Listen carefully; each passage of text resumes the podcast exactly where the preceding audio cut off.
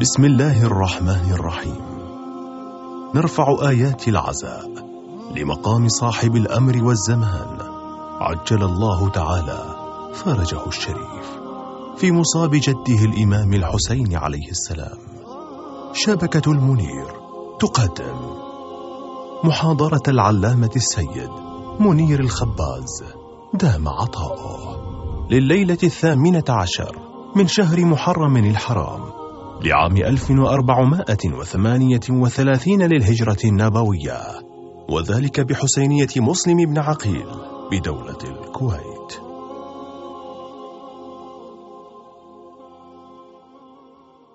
صلى الله وسلم عليك يا رسول الله وعلى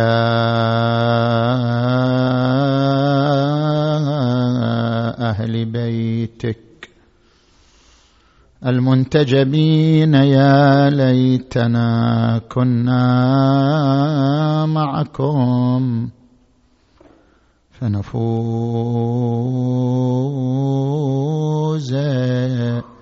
فوزا عظيما. أعوذ بالله من الشيطان الغوي الرجيم. بسم الله الرحمن الرحيم. وما خلقت الجن والإنس إلا ليعبدون. آمنا بالله صدق الله العلي العظيم.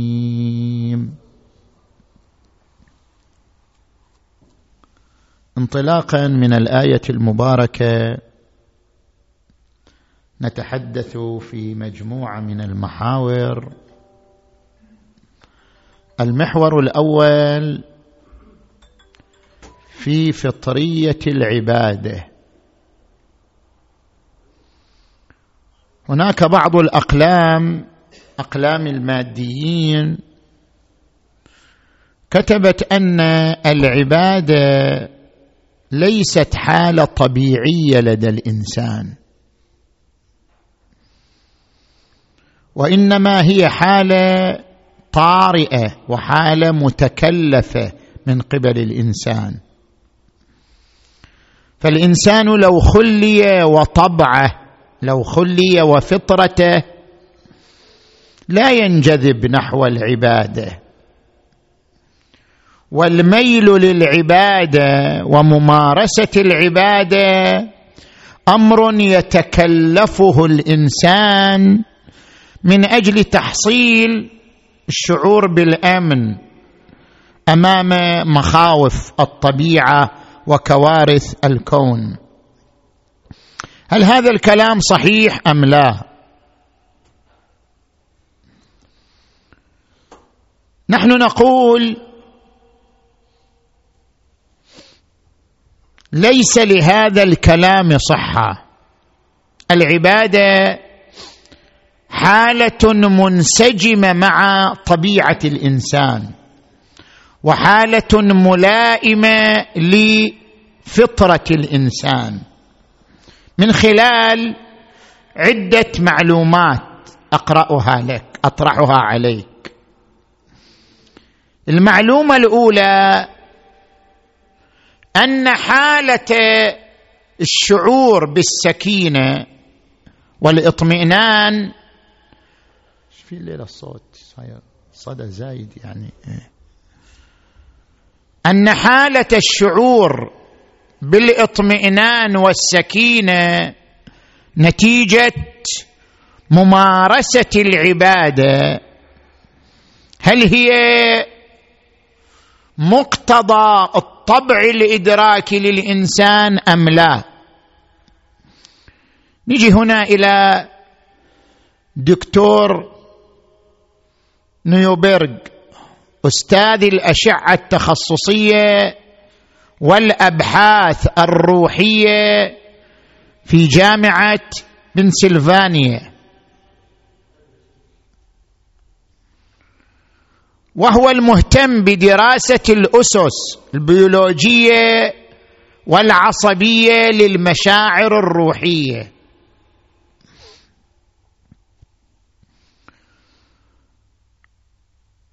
هذا الدكتور قام بتجربة على العباد مجموعة من العباد وفي أوقات مختلفة.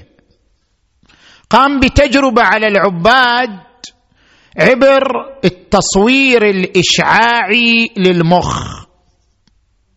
ليرى أن هذه الحالة الإدراكية للمخ حالة العبادة هي حالة شاذة أو حالة طبيعية.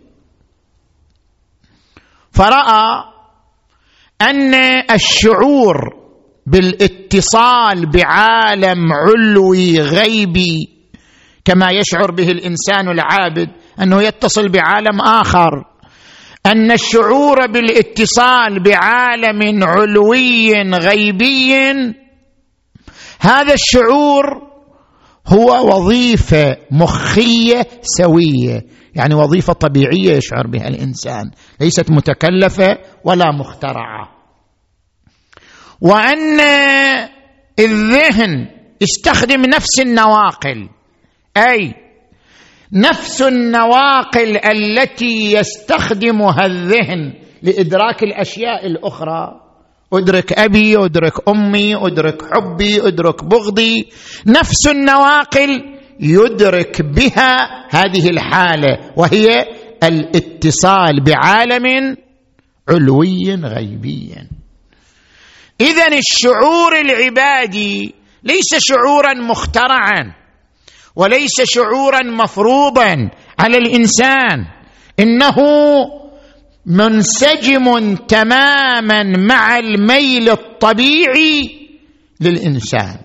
منسجم تماما مع كيان الإنسان. وليس شيئا شاذا أو متكلفا بالنسبة إليه.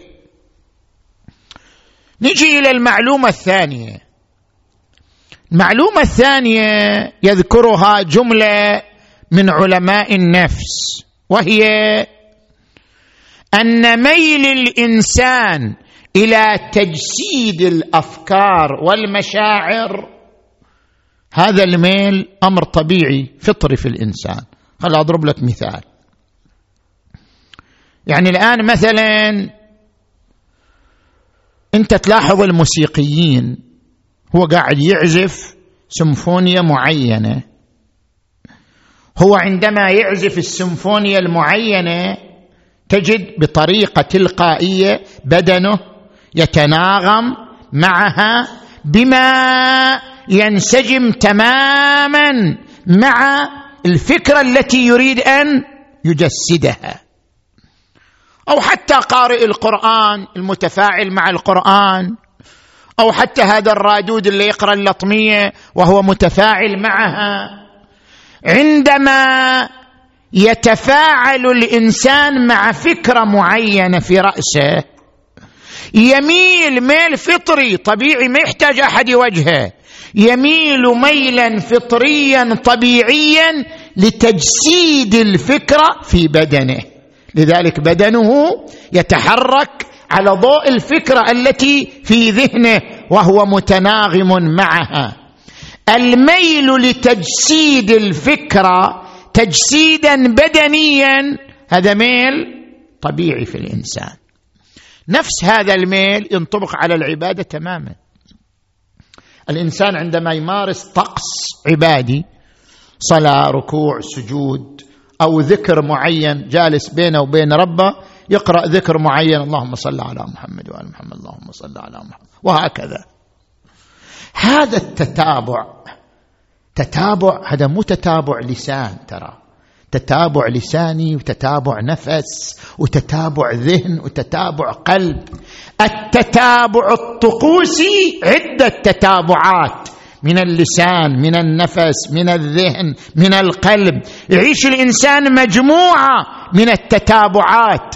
هذا التتابع الطقوسي للإنسان يجعل البدن متناغم تماما مع الطقس الذي يمارسه. ثلاث قوى في الإنسان تتحرك. الجهاز الحوفي المسؤول عن الانفعالات. الجهاز العصبي اللا إرادي المسؤول عن الوظائف اللا إرادية. القشرة المخية المسؤولة عن الوعي والإدراك. ثلاث قوى تتفاعل مع هذه الفكرة التي أنت تريد تجسيدها تجسيدا بدنيا. اذا الميل نحو العبادة العبادة هي تجسيد. يعني أنت عندك فكرة تريد تجسدها. أنت في ذهنك فكرة الصلاة. الصلاة ما هي؟ الصلاة عبارة عن اتصال قلبي بالله عز وجل. أنا أعيش هذه الفكرة في ذهني وهي فكرة الصلاة فكرة الاتصال القلبي بالله. لأنني أعيش هذه الفكرة في ذهني. أميل ميل طبيعي ما يحتاج أحد يقول لي. أميل ميلا طبيعيا لتجسيد الفكرة على بدني وعلى حركات بدني. فالميل نحو العبادة وممارسة العبادة ميل طبيعي فطري. تجي إلى المعلومة الثالثة وهي مهمة جدا. عندنا في مخ الإنسان منطقة هي منطقة تربيط التشكيل. أو اي اي منطقة تربيط التشكيل تقع في آه، الجزء الخلفي للفص الجداري للدماغ. هذه المنطقة لها طرفان يمين يسار. كل طرف يؤدي وظيفة معينة. شلون؟ الآن أشرح لك. مثلا إذا أنت قاعد تفكر في نفسك مثلا. أغمض عينيك وفكر في نفسك. ماذا ماذا ترى؟ المنطقة اليسرى من منطقة تربيط التشكيل تصنع لك صورة ثلاثية الأبعاد لجسمك. شوف تشعر كأن جسمك في مكان معين. جسمك يملأ فراغ معين. تصنع لك صورة ثلاثية الأبعاد لجسمك. المنطقة اليمنى تقوم بمقارنة بين جسمك وبين المحيط الذي أنت فيه. يعني بعد أن تصورت جسمك في صورة ثلاثية الأبعاد. يجي الذهن يصورك في المكان. انت على اليمين لو على اليسار تفوق أو تحت. انت تملأ نص المكان لو تملأ آه، ربع منه وهكذا. عرفت شلون؟ فإذا منطقة تربيط التشكيل وظيفتها أن تصنع لك صورة ثلاثية الأبعاد وأن تقوم بمقارنة بينك وبين المحيط الذي أنت فيه لتكون هناك نسبة بينك وبين المحيط. طيب. هذا شنو ربطها بكلامنا؟ التفت لي جيدا هذه المنطقة ما دامت واعية ما دامت واعية ويقظة فتشعر أنت بالإثنينية.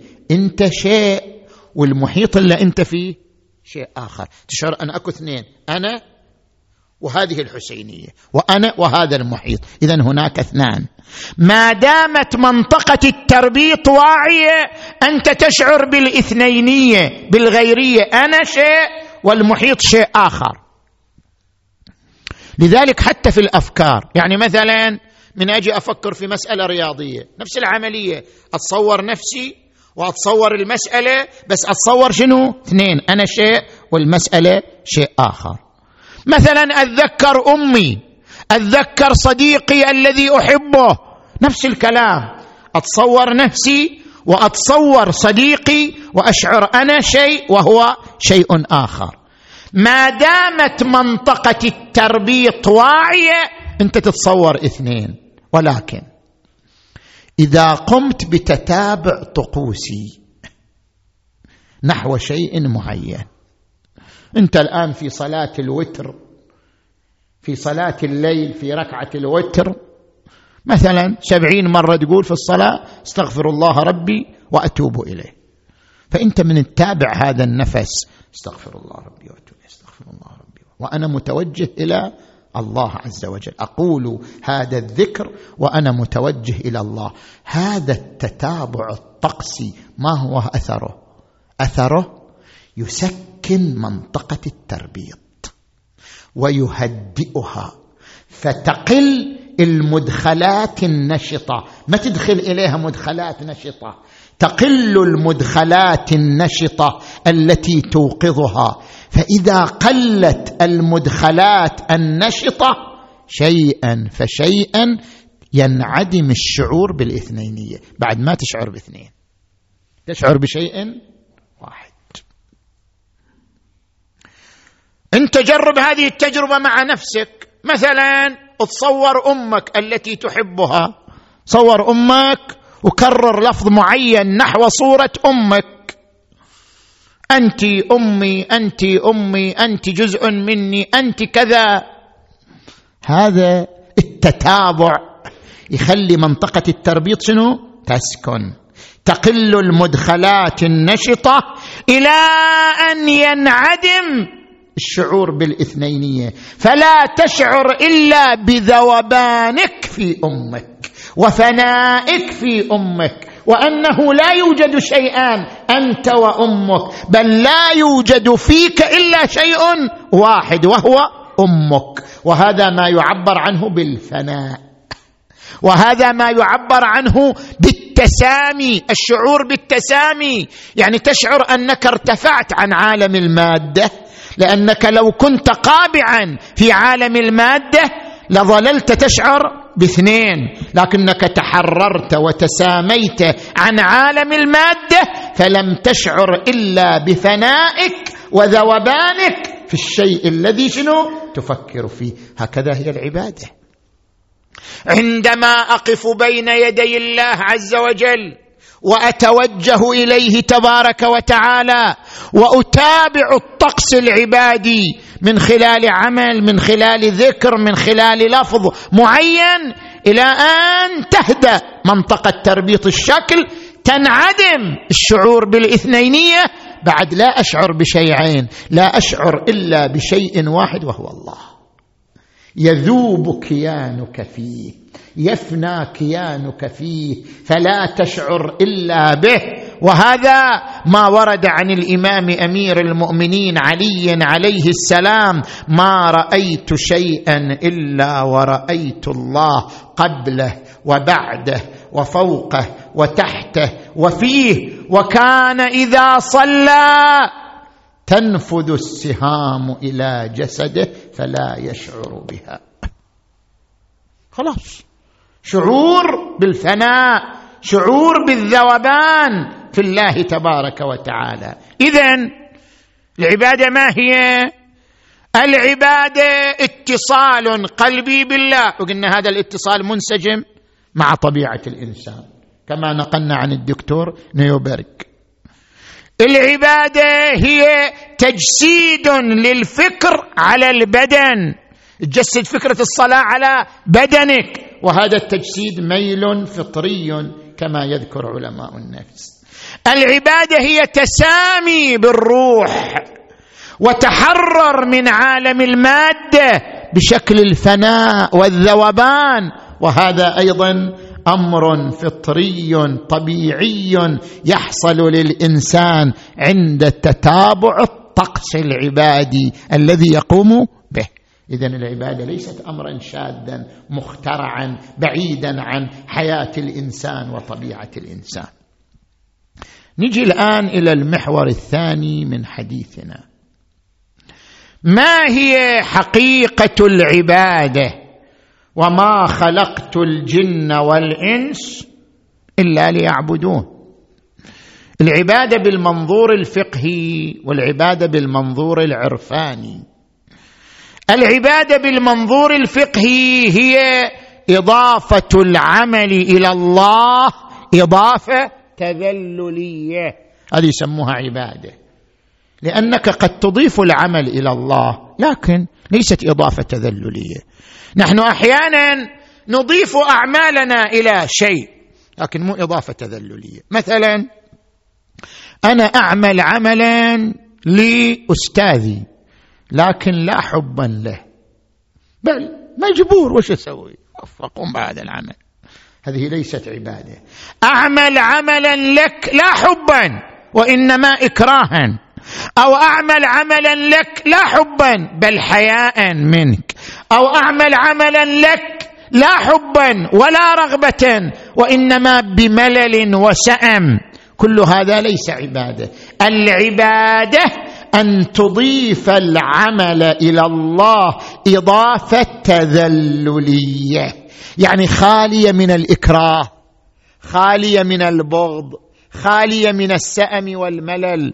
أنا أصلي لك لا لشيء آخر لا إكراه من أحد ولا بغض لك ولا سأما ولا مللا. وإنما أضيف صلاتي إليك بذلة وانكسار. إن الذين يستكبرون عن عبادتي سيدخلون جهنم داخرين. العبادة إضافة تذللية إضافة العمل إلى الله إضافة تذللية. هذا التعريف الفقهي للعبادة. نجي إلى العبادة بالمنظور العرفاني. العبادة بالمنظور العرفاني هي إبراز المملوكية للمالك الأتم. كيف؟ إحنا عندنا الملكية على ثلاثة أنواع. ملكية اعتبارية وملكية حقيقية وملكية حقة. الملكية الاعتبارية هي الملكية القانونية. أنا أملك سيارة. يعني شنو أملك سيارة؟ يعني عندي ورقة قانونية تسوغ لي أن أتصرف في هذه السيارة تصرف حسي أو معاملي. هذه يسموها ملكية قانونية. عندنا قسم آخر من الملكية ملكية حقيقية. أنا أملك أفكاري أملك مشاعري. شنو يعني أملكها؟ يعني أنني واجد لها وجدانا حضوريا. هي حاضرة بنفسها. أفكاري مشاعري حاضرة عندي. فأنا أجدها وجدانا شهوديا حضوريا. هذه ملكية حقيقية. وعندنا ملكية أعلى من ذلك. ملكية حقيقية حقة. وهي ملكية الإيجاد والإعدام. ملكية الله لما سواه. ملكية شنو؟ ما تحتاج لاعتراف القانون. ولا هي مجرد وجدان حضوري بل هي ملكية الإيجاد والإعدام والقبض والبسط والقيمومة. الله لا إله إلا هو الحي القيوم. عندما يدرك الإنسان أنه مملوك لله ملكية حقيقية حقه وجودي منه عدمي منه قبضي وبسطي بيده وإذا مرضت فهو يشفين. والذي يطعمني ويسقين. وإذا مرضت فهو يشفين. والذي يميتني ثم يحيين. والذي أطمع أن يغفر لي خطيئتي. يوم الدين. أنا كلي له. كلي ملك له. إذا أدرك الإنسان المملوكية الصرفه لله وأبرزها عبر ركوع أو سجود كان هذا هو العبادة. العبادة إبراز المملوكية لله تبارك وتعالى. هذا تعريف العبادة. نجي الآن إلى المحور الثالث من حديثنا هدفية الله من العبادة. شوف لاحظ الآية التي قرأناها. وما خلقت الجن والانس الا ليعبدون. الهدف هو العبادة. ليش قدم الجن على الإنس؟ الجن والإنس. لأن الجن خلق قبل الإنس. الجن خلق قبل الإنسان. ولذلك القرآن الكريم يقول والجان خلقناه من قبل من نار السموم. الجن خلق قبل الإنسان. وما خلقت الجن والإنس إلا ليعبدون. زين. هنا سؤال يطرح في علم الكلام يحتاج إلى إجابة. الله خلقنا. هل خلقنا سفها أو خلقنا لغرض؟ إذا قلنا بأن الله خلقنا لا لغرض خلقنا سفها مش تهي خلقنا خلقنا سفها. فالسفه يتنافى مع الحكمة. الحكيم المطلق لا يصدر منه السفه وإذا قلنا بأن الله خلقنا لغرض اذا هو محتاج لنا. إذا عند غرض اذا هو محتاج إلى تغطية هذا الغرض ولأجل حاجته إلى تغطية الغرض خلقنا. اذا فهو محتاج وهذا يتنافى مع الغنى المطلق. يا أيها الناس أنتم الفقراء إلى الله والله هو الغني. اذا كيف نجيب عن هذا السؤال؟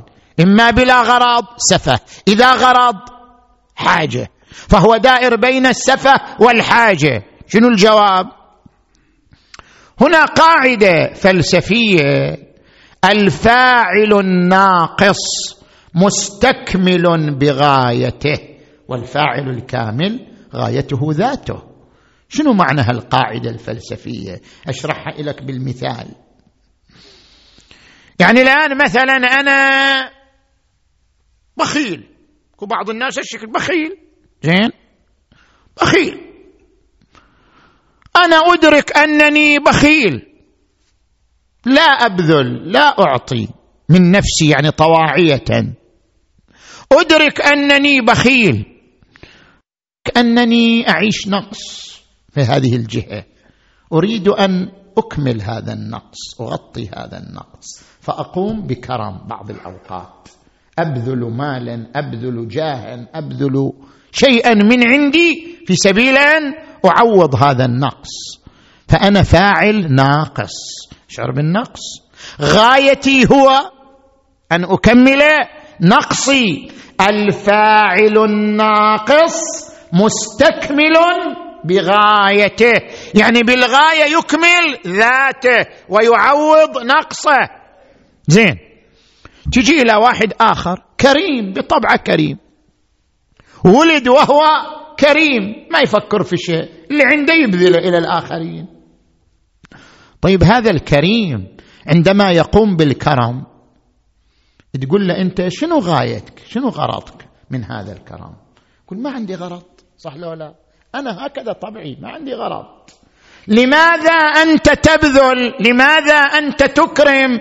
يقول لك ما عندي غرض من ذلك. طبعي هو الكرم. طبعي هو الذي يدعوني للكرم. ما عندي غاية من وراء ذلك. اذا الناقص وهو الذي يشعر بالبخل يستكمل بغايته يعني غايته من خارج ذاته يجيبها إلى ذاته.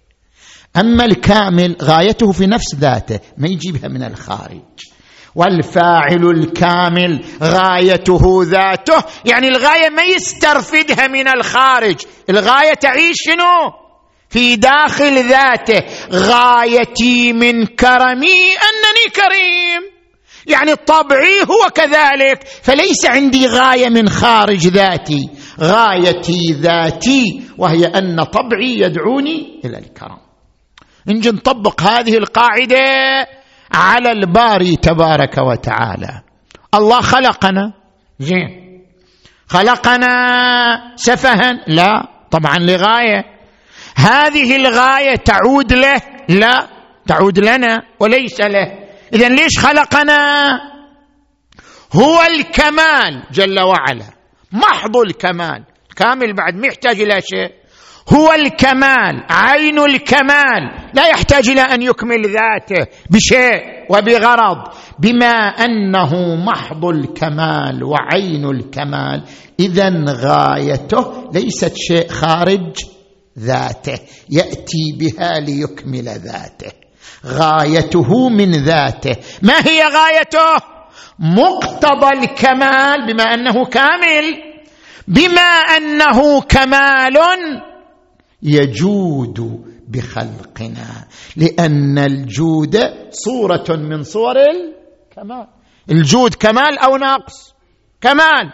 فإذا كان تبارك وتعالى هو عين الكمال محض الكمال جل وعلا. اذا ما يحتاج إلى غاية من خارج ذاته. غايته من ذاته هو الكمال ومن صور الكمال الجود والتفضل. لذلك خلقنا تفضلا منه وجودا منه لا لحاجة منه إلى وجودنا ولا إلى عبادتنا. جاد علينا بالخلق من أجلنا لا من أجله من أجل أن نصل نحن إلى الكمال من خلال معرفتنا به ومعرفتنا بجماله وجلاله تبارك وتعالى. لذلك ورد في تفسير هذه الآية وما خلقت الجن والإنس إلا ليعبدون ورد إلا ليعرفون وورد عن الإمام الحسين عليه السلام ما خلق الخلق إلا ليعرفوه فإذا عرفوه عبدوه. معرفة الله كمال للمخلوق وليست كمالا للخالق. نجي إلى المحور الأخير. العبادة على أقسام.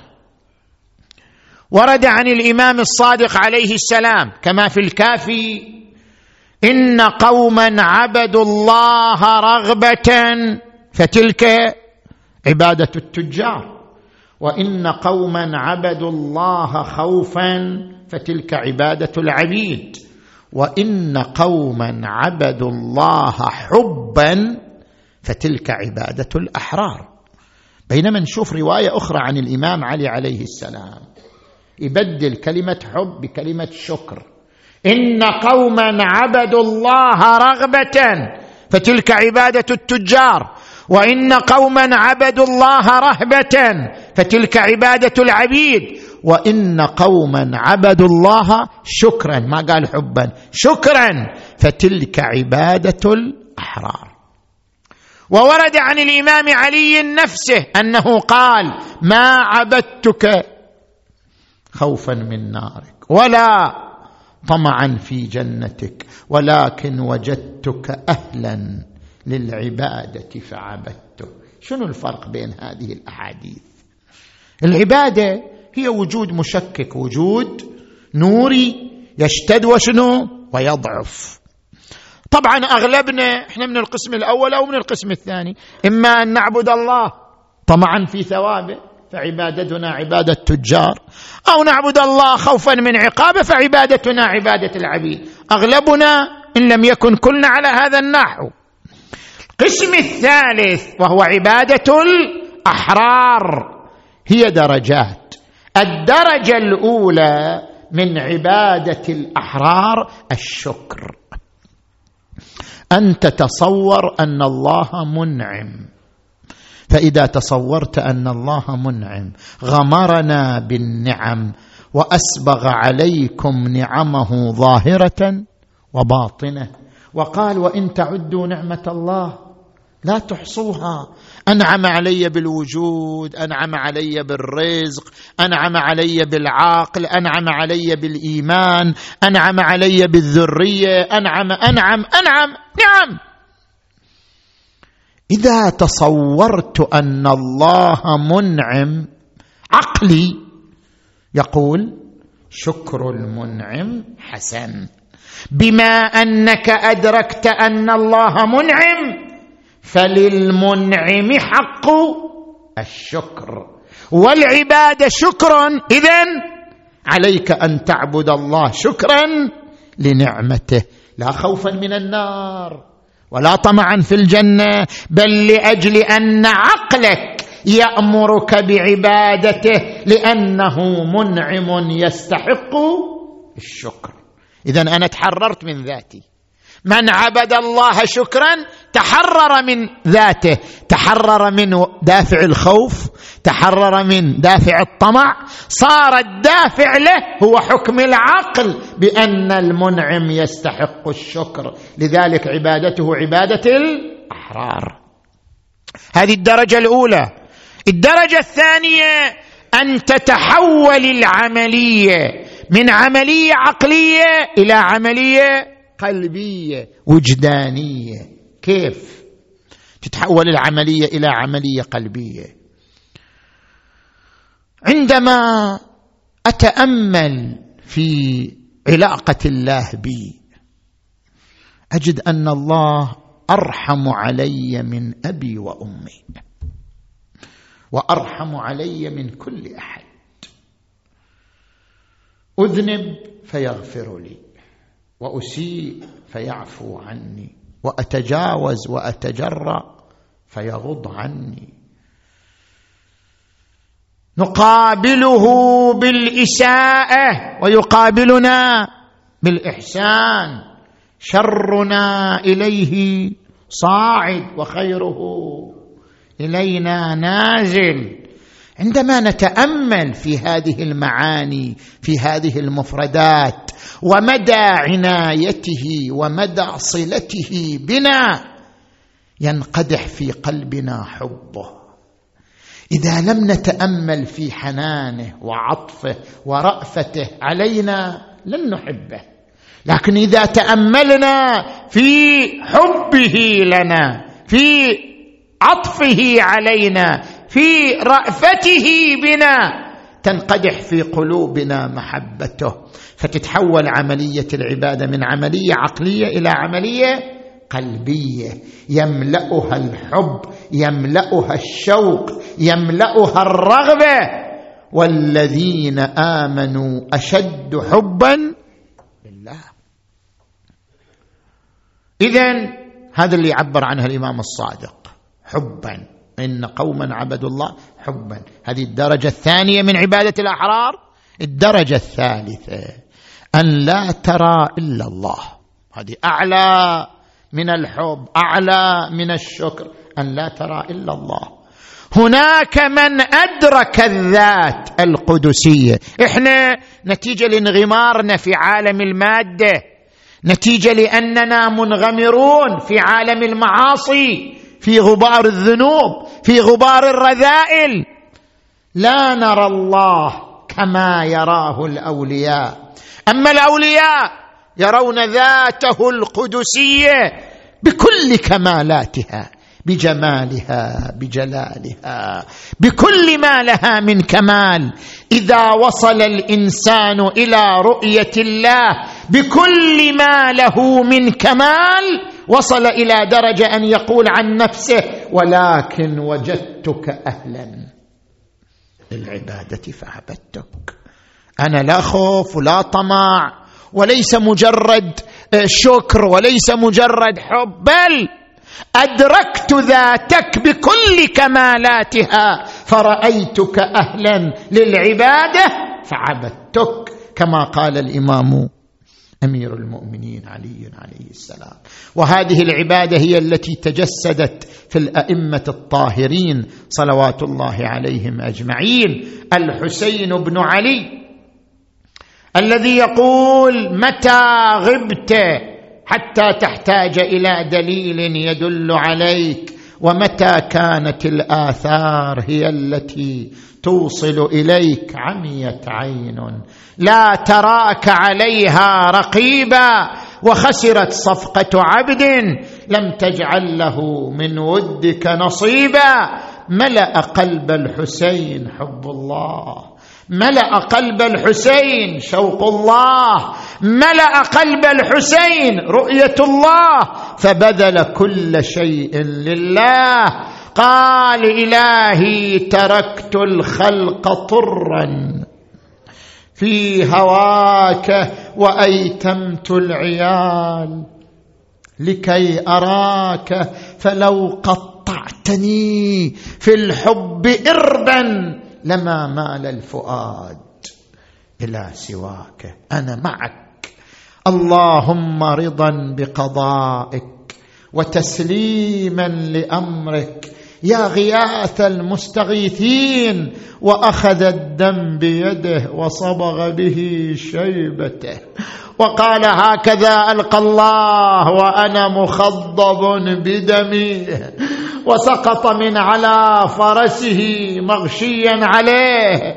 صاحب العصر والزمان في زيارة الناحية يصف هذه اللحظة العصيبة لحظة سقوط الحسين على الأرض. فسقطت على الأرض صريعا. شنو؟ تطأك تعلوك الطغاة ببواترها. ترى ما تركوه عندما سقط ما تركوه هذا يطعنه برمحه هذا يكزه بسيفه هذا يضربه بسهمه. بضعوا جسمه قطعة قطعة. تعلو كالطغاة ببواترها وتطأك الخيول بحوافرها. يعني الحسين رد جسده مرتين ترى. مرتين ردوا جسد الحسين. مرة بعد مصرعه ومرة وهو على قيد الحياة. لما سقط من على فرسه تجاذبته تجاذبته الخيول وصارت تطأ عليه بأرجلها. وتطأك الخيول بحوافرها وقد رشحا للموت جبينك. واختلفت بالانبساط والانقباض شمالك ويمينك بأبي وأمي. وبعد مقتلها زينب واقفة تنظر والأيتام واقفة تنظر وإذا بعشر من خيول الاعوجيه تنعلت بالحديد وداست على صدر الحسين. وحسينا يا جدي يا جدي مات ما حد وقف دونه ولا نغار يا يا يا ولا نغار غمض له عيونه يا جدي يعالج بالشمس من خطف لونه لونه ولا واحد بحلقة ما يا يا يا ما يقطع يا يار. يا جدي ما تمحد مدد ايده ولا واحد حضر لو عدل رجله يعالج يعالج. بالشمس ما حد وصل ما غسلوه ولا لفوه. في كفن يوم الطفوف.